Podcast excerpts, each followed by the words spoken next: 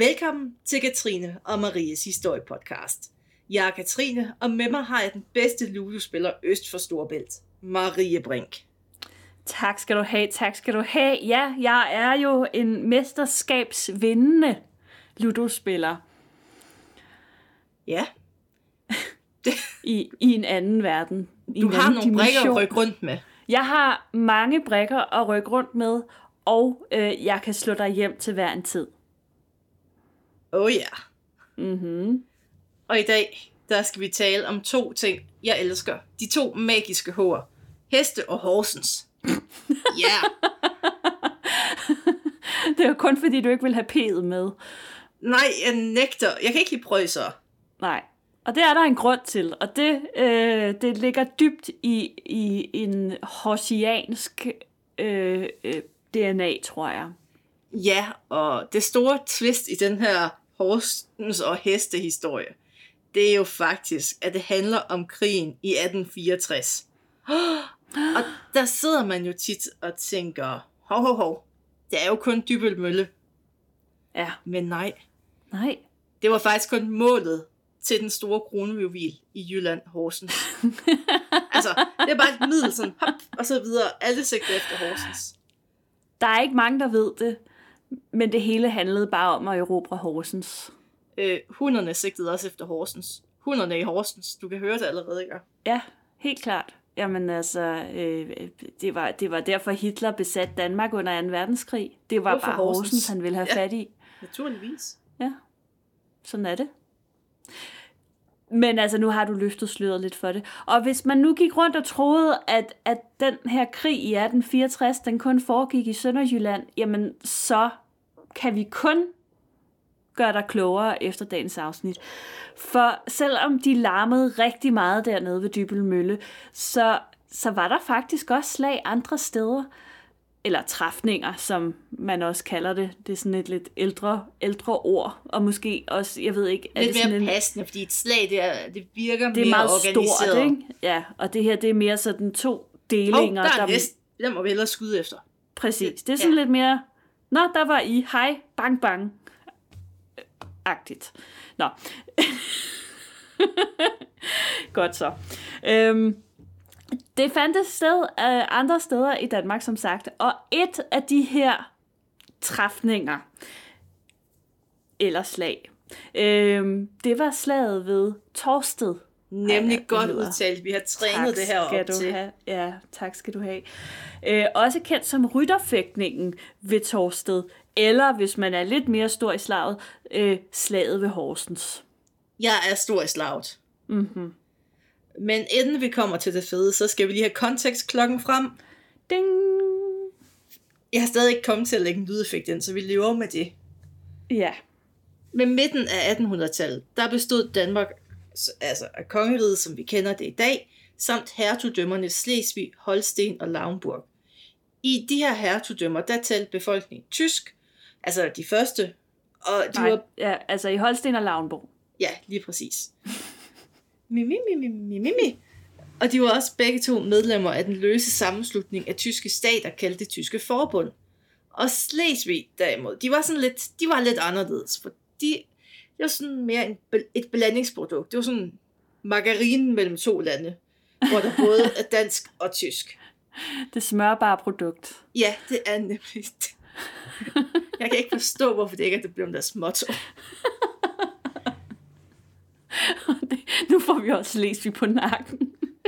Der går ikke et afsnit uden at jeg får distanceret en eller anden med en eller befolkningsgruppe. anden geografisk, geografisk region. Ja. Og det var hovedsageligt, altså det her tilhørsforhold, det nationale tilhørsforhold, der var årsag til krigen i 1864. For smørbart, det kan aldrig sådan, altså det, det går bare aldrig, det skal ligesom vælge. Ja, altså enten er man smør, eller også er man ikke smør. Ikke? Ja, altså, det, eller også er man bare klam. Præcis.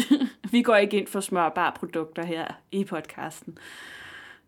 Nå, men øhm, øh, problemet var, at Danmark betragtede Slesvig som gammeldansk land, mens de tysksindede øh, folk i Holsten og i Lauenburg, de mente, at, at de også ligesom havde en meget lang øh, historie og et nært sådan, øh, jamen, lad os kalde det slægtskab med Slesvig. Og at, at hertugdømmet Slesvig, det måtte ikke adskilles fra Holsten og Lauenburg. Øhm, og det var, ligesom, det var ligesom der det hele var, fordi Holsten og Lauenborg, de var jo ligesom på vej ind i den her tyske sammenslutning, og Danmark ville gerne have Slesvig over på sin side. Og da Danmark fik sin første grundlov sådan i, øh, i 1848-49 stykker, der forsøgte man at indlemme Slesvig i grundloven som en del af Danmark. Men øh, Slesvig-Holstenerne, de var ikke med på den, øh, og de gjorde oprør. Og det var ligesom det, der, der var årsagen til, at treårskrigen brød ud i 1848 til 1850. Og her fik oprørerne, de fik, de fik hjælp af, af Preussen, som jo er, altså de var jo lidt af en, en stor kanon. Øhm, det var jo en stor magt militært. i det her område, ja, det, og alle, det der har det. spillet Crusader Kings, de ved, at Preussen, eller som Danmark ved, at Preussen er bogstaveligt talt de værste i verden. Dem kan vi ikke lide. Der er så mange grunde til, at jeg ikke kunne lide Preussen. Ja, det er rigtigt. Nu er jeg også på distanceret Preussen. Ja. Jamen, Preussen eksisterer jo ikke rigtig længere. Men det er jo så... stadig et område. Jo, jo, jo. Men nu er det, er det ikke sådan en del af Polen og lidt af Nordtyskland? Jo, jeg tror, det er sådan en lidt underlig sammenslutning. Ja. Nå, men treårskrigen, den blev stoppet af de europæiske stormagter. De synes ligesom det her, nope. Øhm, og øh, resultatet blev, at øh, Slesvig og Holsten de fortsat skulle høre under den danske krone som sådan delvist selvstændige enheder. Så ret mig lige, hvis jeg tager fejl, men et eller andet sted, så var det virkelig sådan et, et ikke-resultat. Altså, det, man var der, hvor man var inden krigen. Jamen, det er hvis, ligesom hvis børn de slås, og der kommer en voksen og siger, nu sidder jeg hen i hver jeres hjørne. Det har ikke løst konflikten, det har bare udsat den i virkeligheden. Ja, det var sådan, ja. og det er ikke en rigtig holdbar situation, fordi nu sidder de i hver deres hjørne, og, og de skumler alle sammen. Der er ingen, der er tilfreds overhovedet. Nej. Heller ikke Tyskland og Danmark i virkeligheden, for mm. der er ingen, der har fået, hvad de vil have. Mm. Så der var, der var dårlig stemning, lad os sige det på den mm. måde. Og det var også svært at få til at fungere i praksis, fordi uenigheden om især Slesvigs tilhørsforhold, det bliver ikke mindre med tiden. Og det leder jo så til krigsudbruddet i 1864. Og det, man kan, altså kulmination, det kan vi sige meget om. Ja, kulmination 1, det er, at stormen på Dybøl finder sted den 18. april, og Danmark, øh, vi taber knepen, fordi tyskerne snød. De snød, Marie. Jeg har været ved Dybøl Mølle, og der på turen virkede det som om, at ham den søde gamle mand, han fortalte, at tyskerne de snød.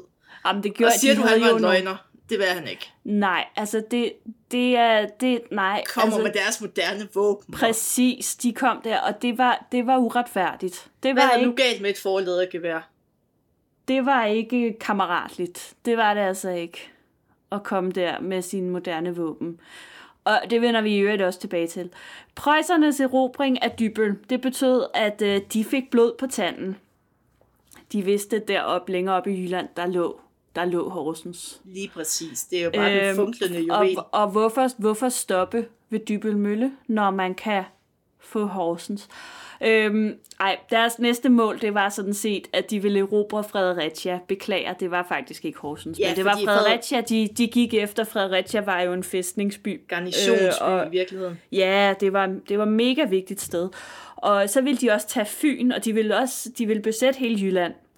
Øhm, så, så det var ligesom den videre plan. Og øh, den 20. april, der marcherede ikke mindre end 11.000 prøjser nordpå og ind i Kolding. Og lige en lille sidenote til med Fredericia, det var jo også, fordi man var lidt bange for, at hvis danskerne de fik tid til at samle sig og lige få alle hjem, og så kunne man jo lave et udfald igen, og det var man ikke rigtig interesseret mm. i, så det var mere en offensiv satsning. Mm-hmm. Ja. Og nu bliver det jo virkelig, virkelig close to home for mig. Fordi Stor Bededagsmorgen den 22. april, der fik man en melding om, at en fjendtlig rytterdeling var på vej fra Hedensted af alle fantastiske steder med retning mod Horsens. Og da Preussen, altså, det var jo kun få, det var ikke hele den her 11.000 mand store styrke. Så tænker man, så sætter vi 10 mand afsted for Horsens for at jage dem væk, så kan de lære det. Ja. Præcis. Og i første omgang, så virkede det til også, den her lille manøvre, fordi øh, da prøjserne de ser de danske dragoner, det er sådan nogle øh, øh, ryttersoldater, så øh, tager de simpelthen flugten. De vender deres heste om på stedet og, og jeg skulle til at sige, kører tilbage til Vejle, rider tilbage til Vejle. Øhm, og øh, der er en af de her danske dragoner, dragoner, som griber sin riffel, og han skyder efter dem. Og det skulle han aldrig have gjort. Øhm, fordi altså, han rammer ikke. Det gjorde de danske soldater meget sjældent, fordi de, altså, jeg er ikke våbenekspert, men der er jo noget med det der med bagladegevær og forladegevær, ikke? Og, og de her bagladegevær, de er øhm, ikke De specielt bøvlede. gode. De er bøvlede, de kan kun ligesom skyde en, en, øh, et skud ad gangen, så skal man, det er noget meget bøvlet at skulle lade dem igen og så videre, og så kan de heller ikke ramme særlig godt fra sådan en længere distance. Altså forestil jer, I skal skille jeres øh, blender ad, hver gang I skal lave noget, og så samle den igen for næste ting, der skal i. Så det er sådan noget, man er ude Ja. ja. skille ad og samle, og Ja, og der, og der var, ty- der var prøjsernes øh, forladet øh, gevær, de var jo langt smartere, fordi jamen, altså, hvis vi bliver i, øh, i blender-analogien, i- så, så behøvede blive de ikke at skille det hele ad. De kunne bare blive ved med at putte ned i op fra. Altså, der var ikke noget, der skulle skilles ad. Så de var meget hurtigere på aftrækkeren, end, end danskerne var. Og det, øh, og det, og, men, men der var altså en af de her dragoner, som blev en lille smule overmodig, og han skød efter prøjserne med, sin, øh, med sit øh, gevær der. Øh, han ramte dem ikke, men det betød, at prøjser nu også greb deres øh, geværer og skød på danskerne. Og fordi deres rifler ligesom var langt bedre, så var det altså, det var kun et spørgsmål om held, at der ikke var nogen, der blev ramt. Og ham her, den ene danske dragon, han fik også... Han fik lidt øh, skæld ud af sine soldaterkammerater, fordi, jamen, fordi det var... Det Ja. var noget, det var, det var ikke så smart. som man siger, hvis man er på Horsens, er du dum eller hvad? Ja, Og efter det her korte morgenmøde, så trækker de preussiske husarer sig tilbage til Vejle. Men om formiddagen, der forsøger man igen, eller eftermiddagen, forsøger man igen at ride mod Horsens. Og den danske feltvagtkommandør, løjtnant Sass, han bestemte, at den fjendtlige her, den skulle tages til fange, og seks mand, de bliver, taget, altså, de bliver sendt afsted for at afskære preusserne, for, så de ikke kan flygte tilbage. Fordi de havde de gjort en gang, og det gider vi ikke, at de skal have igen. nej. Og planen den var, at de seks mand, de skulle angribe preusserne sydfra. Når det så var sket, så ville resten af hæren komme nordfra, så husarpatruljen den blev omringet. Men mm. Ja. øhm, en af de her seks mand, der bliver sendt afsted i den her første patrulje, han hedder Rasmus Nielsen, og øh, det er fra hans erindringer, at vi har øh, altså de oplysninger om slaget. Han, hans erindringer er den primære kilde til slaget. Og han fortæller, hvordan han og hans fem soldaterkammerater red i en 5 km lang bue uden om hovedvejen. Og det var jo selvfølgelig for at ikke at blive set af, af prøjserne og den her rytterdeling. Og, og det, det virkede også, de blev ikke, og de blev ikke set. De var skjult bag levende hegn og vejtræer, og der var ikke nogen, der så, at de sneg sig ind på prøjserne og ved Torsted, og det ligger for de uindvidede i den nordlige del, nej, den sydlige del af Horsens, detalje, gav den danske korporal Bones et signal til, at dragonerne de skulle ride ind på hovedvejen og angribe husarne. Og de sætter deres heste i et kæmpe spring ind over det her levende hegn og ind foran preusserne. Hold op. Ja. Jeg var faldt Man død ser om. det for sig, ikke? Hurra! Jeg var bare faldt død om. Ja. Og kun én af dem klarede ikke springet og væltede med sin hest. Og når man er væltet med sin hest, så er man ukampdygtig, fordi så... Hvis hesten har slået sig, eller du har slået dig, og du skal op på den igen, og det er noget værre noget. Så, så ligger man ligesom der. Der blev han, indtil, indtil slaget var færdigt. Preusserne, de reagerer hurtigt. De trækker deres rifler, og de begynder at fyre på danskerne. Danskerne, de stoler ikke på deres rifler af gode grunde, fordi det, det har vi lige snakket om. Det er noget værre bøvl at skulle bruge dem. Så de griber i stedet deres sabler, deres gode gamle sabler. Dem kan man altid stole på. Og så styrter de ellers mod prøjserne med deres sabler hævet over hovederne. Og de er jo stadig til hest, øh, skal man lige forestille sig her. Øh, der er en af, af danskerne, som øh, taber sin hjelm, og, øh, og han må så også trække sig, fordi man kan altså ikke være i sådan et slag der, hvis man ikke har en hjelm på. Der er nogle sikkerhedsforanstaltninger, som simpelthen skal være på plads. Han har gjort det meget klart, Han siger- at du går ikke i krig uden din hjelm. Præcis. Der er, det, det skal bare være på plads. Så han er også ude. Det er sådan lidt ligesom den der 10 små cyklister sang det her. Øh, Så nu er der altså kun fire dragoner, danske ryttere, øh, som øh, imod de her 12-14 øh, preussiske husarer. Men som udgangspunkt, så får det ikke danskerne til at flygte. Altså, de er åbenbart gjort af et, et, et stof, øh, som jeg ikke ved. Altså, der, der kræ, det kræver noget mod at være fire danske dragoner med sabler, der styrter imod en riffeludstyret preussisk rytterdeling. Oh, Det synes jeg. Jeg ved ikke, om det er mod eller dumhed, men det, det får vi se. Øhm, men det lykkes faktisk for dem, og, og det er faktisk Rasmus Nielsen selv, der øh, med sin sabel hugger en af deres øh, fører ned, an, anfører ned, øh, prøjsernes øh, anfører, og dermed får de ram på en tysk greve. Og det ved vi alle sammen, det giver lidt ekstra point i bogen. Det er ikke bare en minisoldat, men en tysk greve. kan du huske 1864-serien, Marie? Sådan, så du den overhovedet? Jeg så den. Mm, Troligt, fordi den den. var så underlig. Men Jeg der, så den ikke. Der bliver det, de tyske de tyske husarer jo fremstillet som, altså nærmest som en naskuld fra Ringens Herre. Det var meget, det var meget voldsomt. Ja, Så Okay. okay. det er lidt det, jeg forestillede mig, så har vi stået tilbage mod dem. ja. Og- Jamen, det, er- det, det, det er smukt. Meget. Og i Rasmus Nielsens erindringer, der fremstår Preussen sådan en anelse klodset i virkeligheden. Og han fremhæver selv, at han var faktisk ikke bekymret for det her overtal. Og derudover så forventede han, at der snart kom forstærkninger. Altså, lige pludselig. Så der var ikke, der var ikke noget at være bange for i det her. Nej, altså, der var, jo, der var jo hele resten af det her danske rytterregiment, Ja, som, som hvad? de jo vidste, de, de skulle jo komme ind og angribe nordfra. Altså, lige om lidt kommer de. Og imens var de resterende dragoner klar til at komme Rasmus Nielsen og kompagni til undsætning. Lige og de præcis. manglede bare lige en ordre for løjtnant Sass. Så Ja, og her bliver det altså virkelig mærkeligt, fordi de, de, de, jeg, skal, jeg har meget svært ved at slippe min, bil, mit bil, min bilterminologi her, men de, de sidder ligesom bare og venter på deres heste. Øh, de holder og venter. Øhm, og øh, der er en af dragonerne, som senere beskriver til øh, Rasmus Nielsen, og han, han beskriver det sådan her. Vi, hold, vi holdt i en lavning ved modsatte side af landevejen ved Torsted, og ventede på at gå til angreb. Men ordren udeblev, hvad vi var hamfulde over, for vi var klar over, at I var kommet i kamp, og det var stærke rytterafdelinger, tyskerne sendte frem. Vi vidste nok, at I kun var seks mand.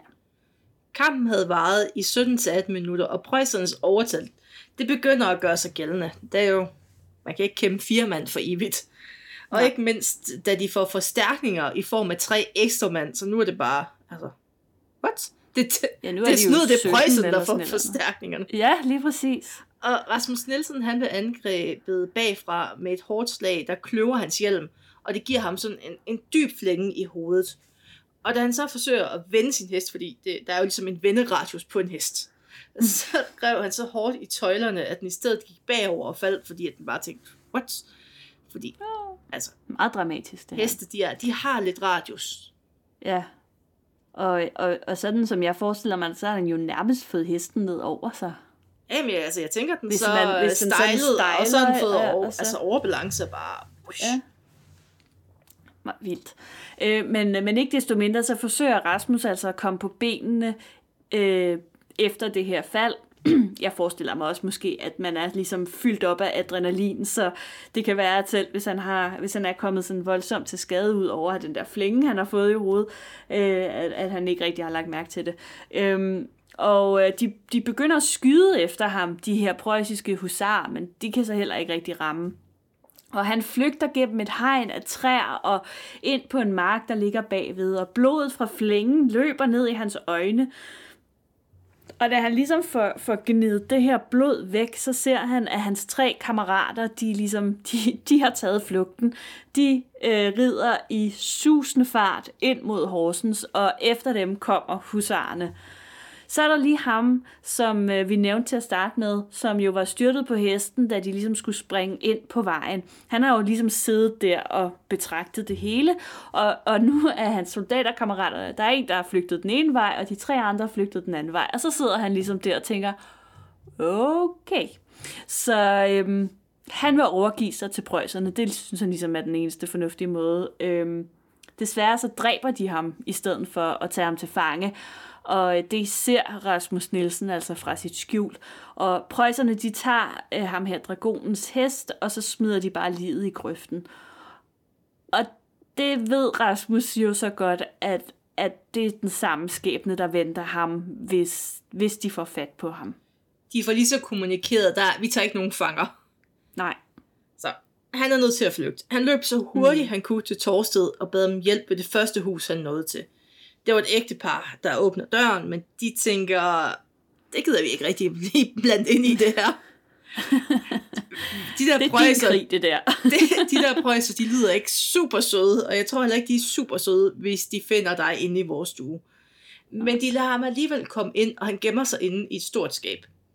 Og få minutter efter, fordi prøjserne, de har nok alligevel sådan listet sig lidt efter ham, så mm. kan han høre prøjserne udenfor, og de spørger efter ham om det her, den her dragon, om de har set ham, og ægteparet de svarer, at de kender ikke noget til noget.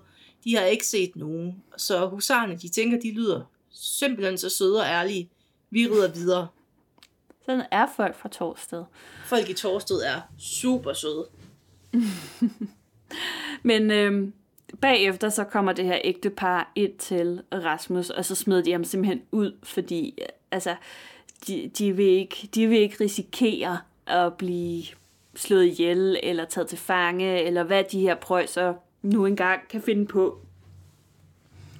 Men så er det, at der sker ligesom et lykketræf, fordi der kommer en krigsveteran forbi, han hedder Lassen, og han har deltaget i 3-årskrigen. Og han ved ligesom godt, hvad det er for en knibe, som øh, Rasmus Nielsen han er i, så han tilbyder at skjule Rasmus på sin gård. Resten af det her øh, rytterregiment, eller så de her... Øh, øh, hvad hedder det? Ja, de var vel fire, fordi ham, ham der mistede sit hjelm, han har også godt kunne flygte. Så, så de her fire øh, soldaterkammerater, som, som Rasmus var til an, gik til angreb med, de, de undslipper øh, angrebet. Preusserne, de forfølger øh, dem kun sådan halvhjertet, øh, men de var såret, og ikke mindst, så var de ret vrede over, at, at den her undsætning ikke var kommet, det her angreb, som de jo havde planlagt, øhm, og var hele forudsætningen for, at de var så få, der startede med at tage afsted. Jamen, altså, hvorfor kom resten af rytterregimentet dem ikke til undsætning? Ja, og inde i Horsens, der møder de løjtnant Sass og korporalen, som havde ledet den seks mand store patrulje. Og stemningen, den var ikke særlig god. Så der Nej. bliver skældt ud, og der var, mm, der var, der var ikke god stemning. Mm. Og efter skideballen, der kom der SAS et tilbagetog simpelthen, fordi at feltvagten, han havde observeret, at der var masser af preussiske soldater ude i området. Og danskerne, de kastede simpelthen plankerne af Sønderbro i Horsens, så fjendeherren ikke kunne passere den, og sætter kursen mod Skanderborg. Ja. Vi skal jo huske, at Horsens på det her tidspunkt det er jo faktisk en rytterby. Så der var jo mm. masser af de her soldater til hest. Og de tænker, nøp, det skal vi længere nordpå, mod Skanderborg. De vil så alligevel ikke forsvare Horsens. Det er svært at forsvare en, en by, altså inde i en by med heste. De skulle tilbage ud til Torsted og Hedensted, hvis det var. Ja, men det, det ville de så ikke. Nej. De ville til Skanderborg. Og de blev der. Det gjorde de.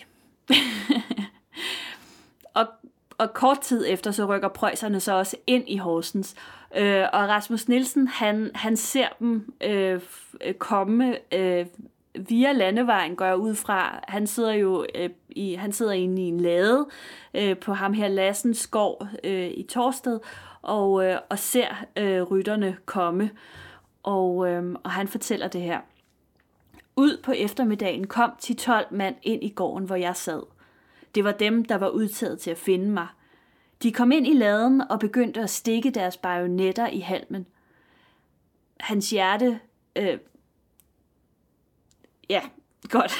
det var ikke det hele, han sagde. Der fik jeg Du, jeg, jeg tænker det er en meget dramatisk læsning af dit eget. Uh, Ja, ja, og så lige pludselig tænker jeg, hov, det her, det, skal, det er ikke... Begynder er at omtale sig selv i citatet. tredje Nå, men de her soldater, de kommer ind i laden, de begynder at stikke ned i halmen med deres bajonetter. Og så er det, man tænker, på det her tidspunkt, han må have været ved at dø.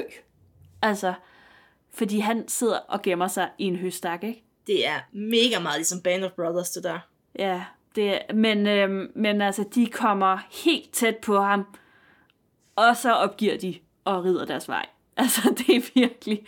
Huh, der er han heldig igen, den gode Rasmus. Og om natten, der kom Lassen ind til Rasmus.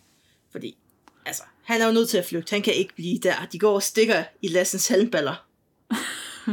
og han må jo flygte igen, fordi 18 prøjser, de havde taget ophold på gården, og han skulle flygte til den, den, altså igen, meget lokalt Jernø, ud for Horsens Fjord. Sådan en lille, meget hyggelig ø. Jeg vil gerne anbefale den til feriegæster.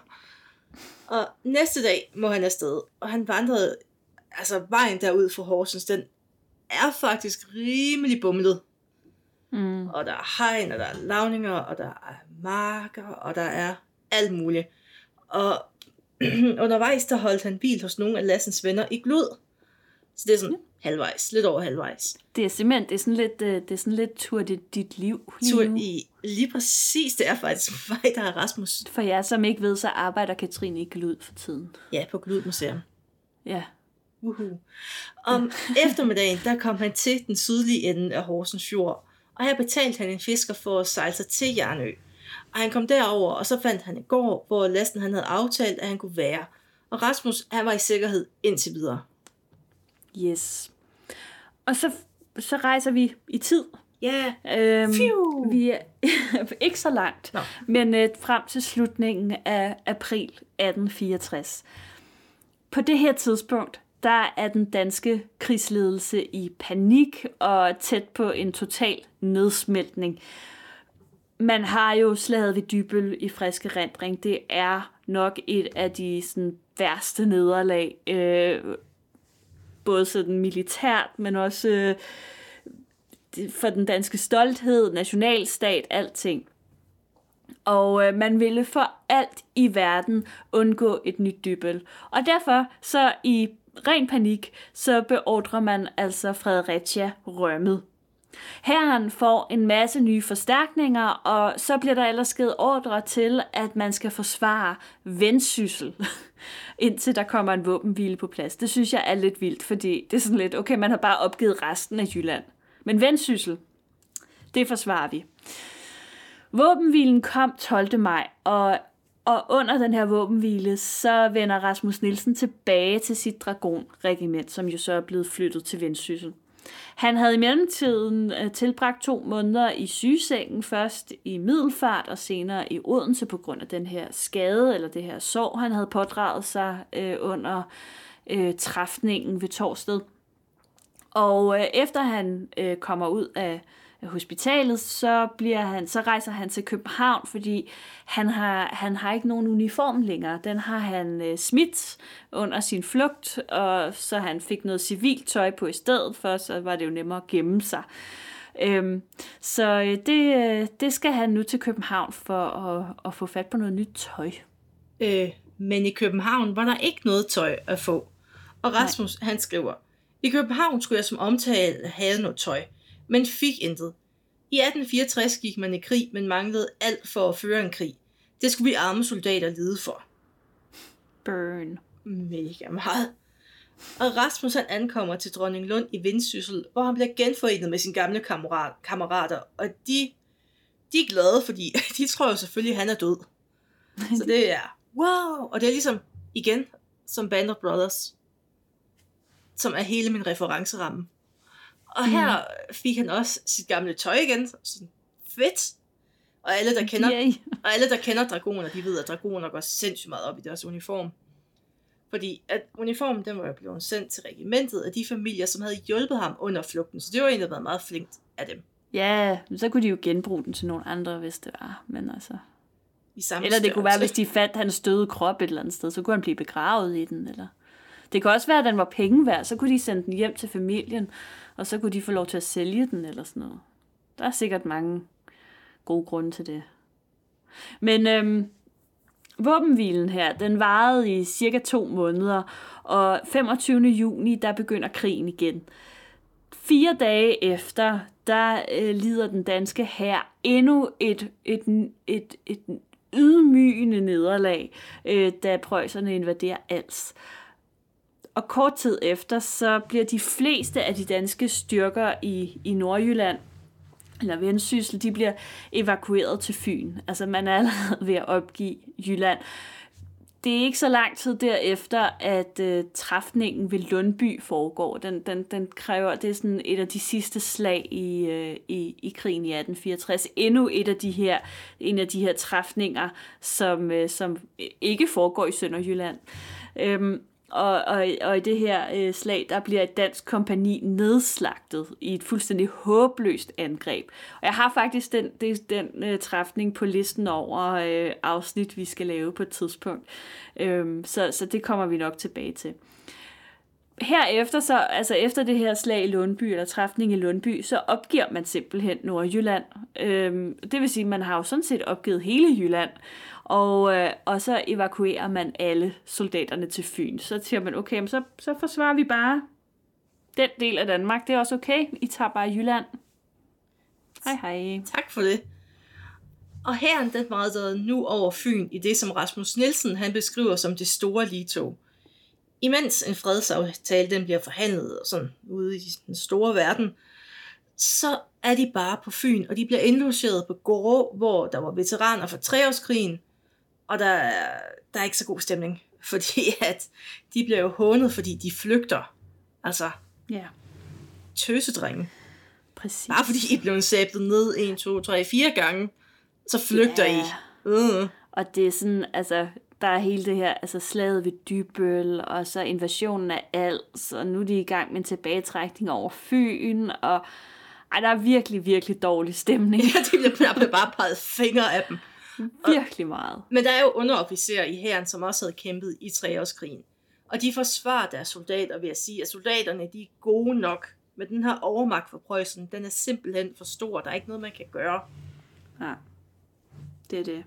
Men altså, fredsaftalen, den kommer jo på plads, og det er jo ikke, øhm, hvad skal man sige, den mest gunstige fredsaftale for Danmark. Men Danmark forbliver jo dansk. I hvert fald noget af Danmark. øhm,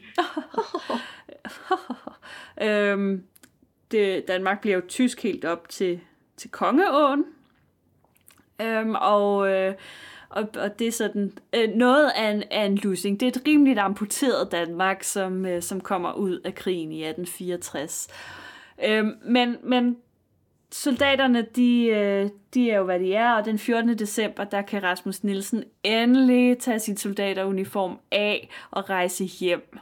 Øhm, og det tror jeg, han er rigtig glad for, fordi så længe han går rundt i sin dragonuniform, så er man sådan en offentlig skydeskive for alle de her sure mennesker, der beskylder dem for at have tabt øh, det halve Danmark. Og altså, folk de håner ham jo, og, og han skammer sig jo også selv over at være en del af det her. Altså, de synes jo ikke, det er særlig fedt. Altså, det er jo, det, det er jo nok noget af det værste, når man er en soldat, tænker jeg, som, som kæmper for, for sit land, for sit fædreland, og måtte opgive det og trække sig tilbage. Øhm, og øh, han, han, han skjuler sig faktisk undervejs til, øh, den, altså på sin rejse hjem, fordi han vil simpelthen undgå at støde ind i nogen. Han magter, han magter det ikke. Yes. Øhm, ja, han vil bare, han vil bare, han vil bare hjem. Og øhm, det er også, altså, da han så vender hjem til sin gård, han bliver modtaget sådan rimelig usentimentalt, der er ikke sådan øh, må en, man en sige. krigshelds modtagelse. Ej, det er sådan lidt, altså han vender ligesom hjem til gården, han beskriver, hvordan han vender hjem til gården, ikke? Og sådan, der er bare, der er ikke et øje, og så sidder hans mor og mormor åbenbart inde i en stue, og de er bare sådan lidt, velkommen hjem, Rasmus, Kornet skal høstes. afsted med dig. Ej, man kan også sige, at dragonerne, det, det skulle jo have været sådan creme med creme i den danske her. Der var jo sådan lidt svung over dem. Ja. Men problemet var, at rytterne, de havde ikke gjort sig særlig godt bemærket under krigen generelt. Og det er også her, at udtrykket røven af 4. division, det faktisk opstod. Og det hentyder ja. til, at røven, det var, altså, det var det eneste fjenden så af den fjerde rytterdivision, fordi de var bare afsted. Ja. Og det var godt nok ikke altså, Rasmus Nielsens rytterdivision, men det ved folk jo ikke. De ser en rytter, og så er det bare Ja. røven af fjerde division. Ja, og der, der, er en, der er en længere historie til den der med 4. division, øh, men det, det, det, det bliver for langhåret, hvis vi skal ind på det, ikke? Så, altså, det, det, var, det, var, det var ligesom, det var jo alle i kavaleriet, som, som led under de her fordomme. Og det var jo naturligvis ikke kun deres skyld, eller deres skyld overhovedet, det kan man jo så diskutere, at vi taber i 1864, fordi hovedansvaret, det ligger jo hos de politikere, og den militærledelse, der får taget nogle, nogle tvivlsomme valg, og måske mm. overvurderer egen styrke lidt. Og Og er totalt ignorante over for folk, der rent faktisk ved noget om, om krigsførelse. hvad ved de om noget, Marie? Altså, det er jo en af de mest altså, frustrerende krige, fordi at de simpelthen agerer mod bedre vidne. Og, og det er jo... Det skal man lade være med. Prøv at tænke på, hvis vi havde vundet. Jeg ved ikke, ja. Så, Ja, det, det, det, det tænker jeg ofte Ja. over. Ja, hvad, så, hvad var der så sket? Men altså, der, udover at de kørte den her meget, øhm, hvad skal man sige, risikobetonet militærpolitik, øhm, og, og derudover jo ikke gjorde noget for at forstærke militæret eller sende flere ressourcer til mil- militæret, så tog både stats- og krigsministeren også nogle ret katastrofo- katastrofale beslutninger under selve krigen, og det, og det svækkede jo den danske her yderligere. Øh, den var jo i forvejen underlegen øh, i forhold til, til, den, til den preussiske her, øh, og, og så blev den virkelig Den blev udstillet. Ja, og det var virkelig nederen, når det sådan er ens egen regering, som, som ligesom på en eller anden måde arbejder imod en, ikke? Jamen på en måde, så får man sat brættet op i den her krig, så alle svaghederne i den danske her, de bare fik lov til at blive vist til hele verden. Altså Ja. man, ja, det var en meget underlig måde at gøre det på. Altså det var virkelig, vi fik nogle gedine tæsk. Og det værste ved det, det var jo, at det vidste, altså nu er jeg ikke ekspert i 1864, men altså mit indtryk er jo, at dem, som var ved fronten, både sådan, altså generaler og officerer sådan nogle, de vidste jo godt, at det var fuldstændig håbløst. Men de har jo bare fået nogle ordre, som de skulle parere, ikke? Altså de fik besked på, at de skulle forsvare Dannevirke for eksempel, eller Altså det er jo også og- det, en soldat skal gøre. Ja, ja, klart, ordre. men, men jo, jo, selvfølgelig, men altså, de, der har været virkelig, altså, de, de har bare vidst, at det her, det var fuldstændig hen i vejret, altså. Og det må jo være frygteligt at stå i den situation og se fjenden komme og bare vide, det her, det kan vi ikke. vi kan ikke klare os. Jamen, Nå, altså, sådan men- må man men have der var yes-holdning, Maria. Der var ikke øh, plads til den store selvrensagelse blandt øh, hos den danske regering efter krigen. Øhm, I stedet så øh, gjorde de det, som man jo altid, øh, som altid er et godt valg, og det er at gå efter syndebukke. Og, øh, og, og en af de syndebukke, som blev fremhævet, det var altså rytteriet. Det var desværre dem, som ligesom fik øh, det kedelige markat, at det var deres skyld, simpelthen, at Ja. de havde tabt krigen. Og Rasmus Nielsen, han fortsatte også med at skamme sig over nederlaget i 1864, selvom den stakkels mand jo nok ikke havde kunnet gøre fra eller til. Øhm, han koncentrerede sig om sit landbrug, og han talte aldrig om øh, krigen med nogen, medmindre han mødtes med nogle gamle soldater kammerater, så kunne de da godt lige nævne et og andet, og kan I huske dengang ved Torsted? Torsted. Du, du, Ja. Torsted. Torsted. Ja. Og altså, man kan jo sige, at det her, det var jo også den sidste sådan rigtige ryttertræfning, det danske militær nåede at lave. Der er jo både, ja. altså det blev jo nedprioriteret herefter, men så er der også lige den her moderne udvikling, der langsomt begynder at rulle ind. Mm, klart. Det er jo bare sådan. Det er jo faktisk, jeg mener, at de fleste omtaler det som den sidste ryttertræfning i Danmarks historie. Mm. Ja, det er rigtigt. Indtil videre, punktum, punktum, punktum. Øhm, Vi genindfører dragonerne. de er sgu da en ting, Marie. De er da ikke sådan en del af vores professionelle her. Jo, Altså, det er sgu da ikke dem, der bliver sendt til Afghanistan og sådan noget.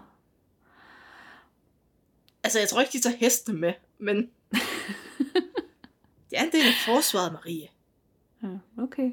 Bevares, bevares. Vi må Jeg har kun set sådan nogle i de der fancy uniformer, som rider i parade. Nu får vi også sådan nogle på nakken. Du gør. Jeg, jeg hylder det danske forsvar. Mm-hmm. Nå, tilbage til Rasmus Nielsen, fordi flængen i hovedet, ja. den fortsætter med at plage ham resten af livet. Det var jo ikke noget, han havde fået den store behandling for. Og der var jo også det her sociale stigma, fordi man kunne ikke, han kunne ikke rigtig undgå, at folk de så den, og de grinte af ham, når han havde smerter, og altså, han konstaterer bare, at ingen af hans naboer har prøvet at være i krig og blive såret. Ja. Altså, i griner han, han har blevet stået ned til hest. Det var sådan et, hey, jeg har faktisk kæmpet for Danmark, men altså, de er jo bare pisselig glade, fordi jamen, Han altså, tabte. Du, du tabte jo. Altså, hvis de havde vundet, var det der noget. Ja, præcis. Og senere der får han også invalide pension. Og først Ja. i år 1900, der begyndte han at tale om sine oplevelser under krigen. Og anledningen var, at en københavnsk avis, den havde trykt en artikel om fægtningen ved Torsted. Og han fulgte artiklen op med sine erindringer, og samme år, der besøger han for første gang Torsted og slagmarken, eller hvad man skal kalde det. Mm. Stedet, hvor det skete. Ja, her skete det. Og Mm. i 1907, der fik Rasmus Nielsen sølvkorset, også kendt som Dannebrugsordnen. Ja, så han fik lidt anerkendelse til sidst, men, men det var meget, meget sent. Og meget, meget det lidt kom. i virkeligheden. Og meget, meget lidt, ja. Jeg kommer altid lidt til at tænke på, når vi snakker om de her gamle krige, øhm, og især sådan, altså, de her fra, fra 1864, dem der overlevede krigen i 1864. Altså, sådan noget som PTSD må vel også have været en ting dengang. Ja, men dengang fik du at vide, at du skulle arbejde det væk. Ja. En anden, altså, en anden spændende ting, det er jo også, at erindringen, den blev skrevet nogle år efter, at det her har fundet sted. Så jeg vil ja. Jo også lige øh, flage med historikerfladet og sige, at nogle historier er nok blevet bedre, end de var. Klart, klart. Og- Altså, jeg, så jeg tænker, hele den her beskrivelse af de preussiske husarer som værende klodset, og altså, der er sådan lidt David mod Goliat over, over det her, den her rytterfægtning. Og, altså, det har de nok ikke været. Altså, jeg, har, jeg lever også efter den tommelfingerregel, når jeg læser sådan nogle her. Det er også noget historiestuderende, I kan tage med.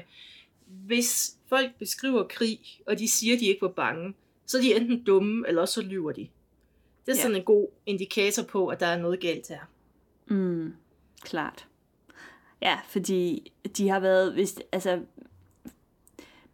jeg, for, jeg, for, jeg forstår, jeg forstår ikke, jeg forstår ikke, hvordan at de bare tonser, fire mand tonser imod 14 preussiske øh, husarer.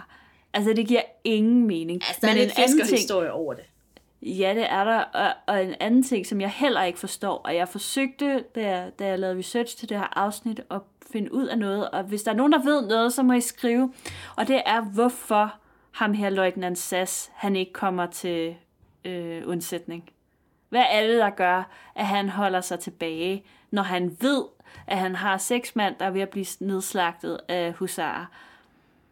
Øh, jeg har simpelthen ikke kunne finde ud af, hvorfor. Øh, altså, hvad, om, var han bare bange, eller havde han en eller anden personlig interesse i, at... Han havde sendt seks mand afsted, det må de ordne. Bum. Ja, det er meget, meget mærkeligt, og der, der er ligesom der er ikke rigtig nogen opfølgning på, hvorfor at han, øh, altså hvad, hvad der er, ligger til grund for, at han ikke sendte sin, øh, sin deling afsted. Så hvis der er nogen derude, der ved noget om det, så må I meget gerne melde tilbage, for det vil jeg meget gerne vide noget om. Og så en, en anden lille, lille bonusinfo, og der kommer nok også et eller andet om det, når jeg lige får flæsket mig ud af min lejlighed. Der er jo faktisk en sten sat til, hvor det skete i Horsens. Det ligger Ja. på hovedvejen enten, hvis I kommer nede fra Hedensted Vejleområdet og kører den gamle hovedvej. Så når I kommer lige, sådan, lige når I kommer ind i Horsens, og I kommer forbi en netto, og så er der en tankstation, så på den anden side af vejen, så er der en skole, og ved skolen, der er der en stor sten. Og det er der, det skete. Det er sådan en mindesten for det. Ja. Og efter sine så udover at der ligesom på den her sten, kan jeg se på nettet, øhm, at, at der, der er selvfølgelig sådan en eller anden gengivelse af slaget, øh, sådan skåret ud i stenen og så videre. Og så nede på fundamentet-agtigt, så står alle de her rytteres navne. De skulle være lidt svære at se, men de skulle være der. Så øh, kan man jo gå ud og finde Rasmus Nielsen, som vi jo kender nu. Det er vores bedste ven. Ja, Ej. god Rasmus. Marie, skal jeg gå derud, og så videokalder jeg dig, og så kan du se stenen, og se mig Ja. røre ved historien. Ja. Ved hovedvejen, så det virker slet ikke sært, når folk kører forbi, og jeg står ære en sten. Nej, det gør det ikke. Det skulle ikke være første gang, jeg har krammet et historisk mindemærke. I al offentlighed. Al offentlighed. Kaster mig over historien. Sultent. Præcis. Og med de ord, tusind tak, fordi I lyttede med igen i den her uge.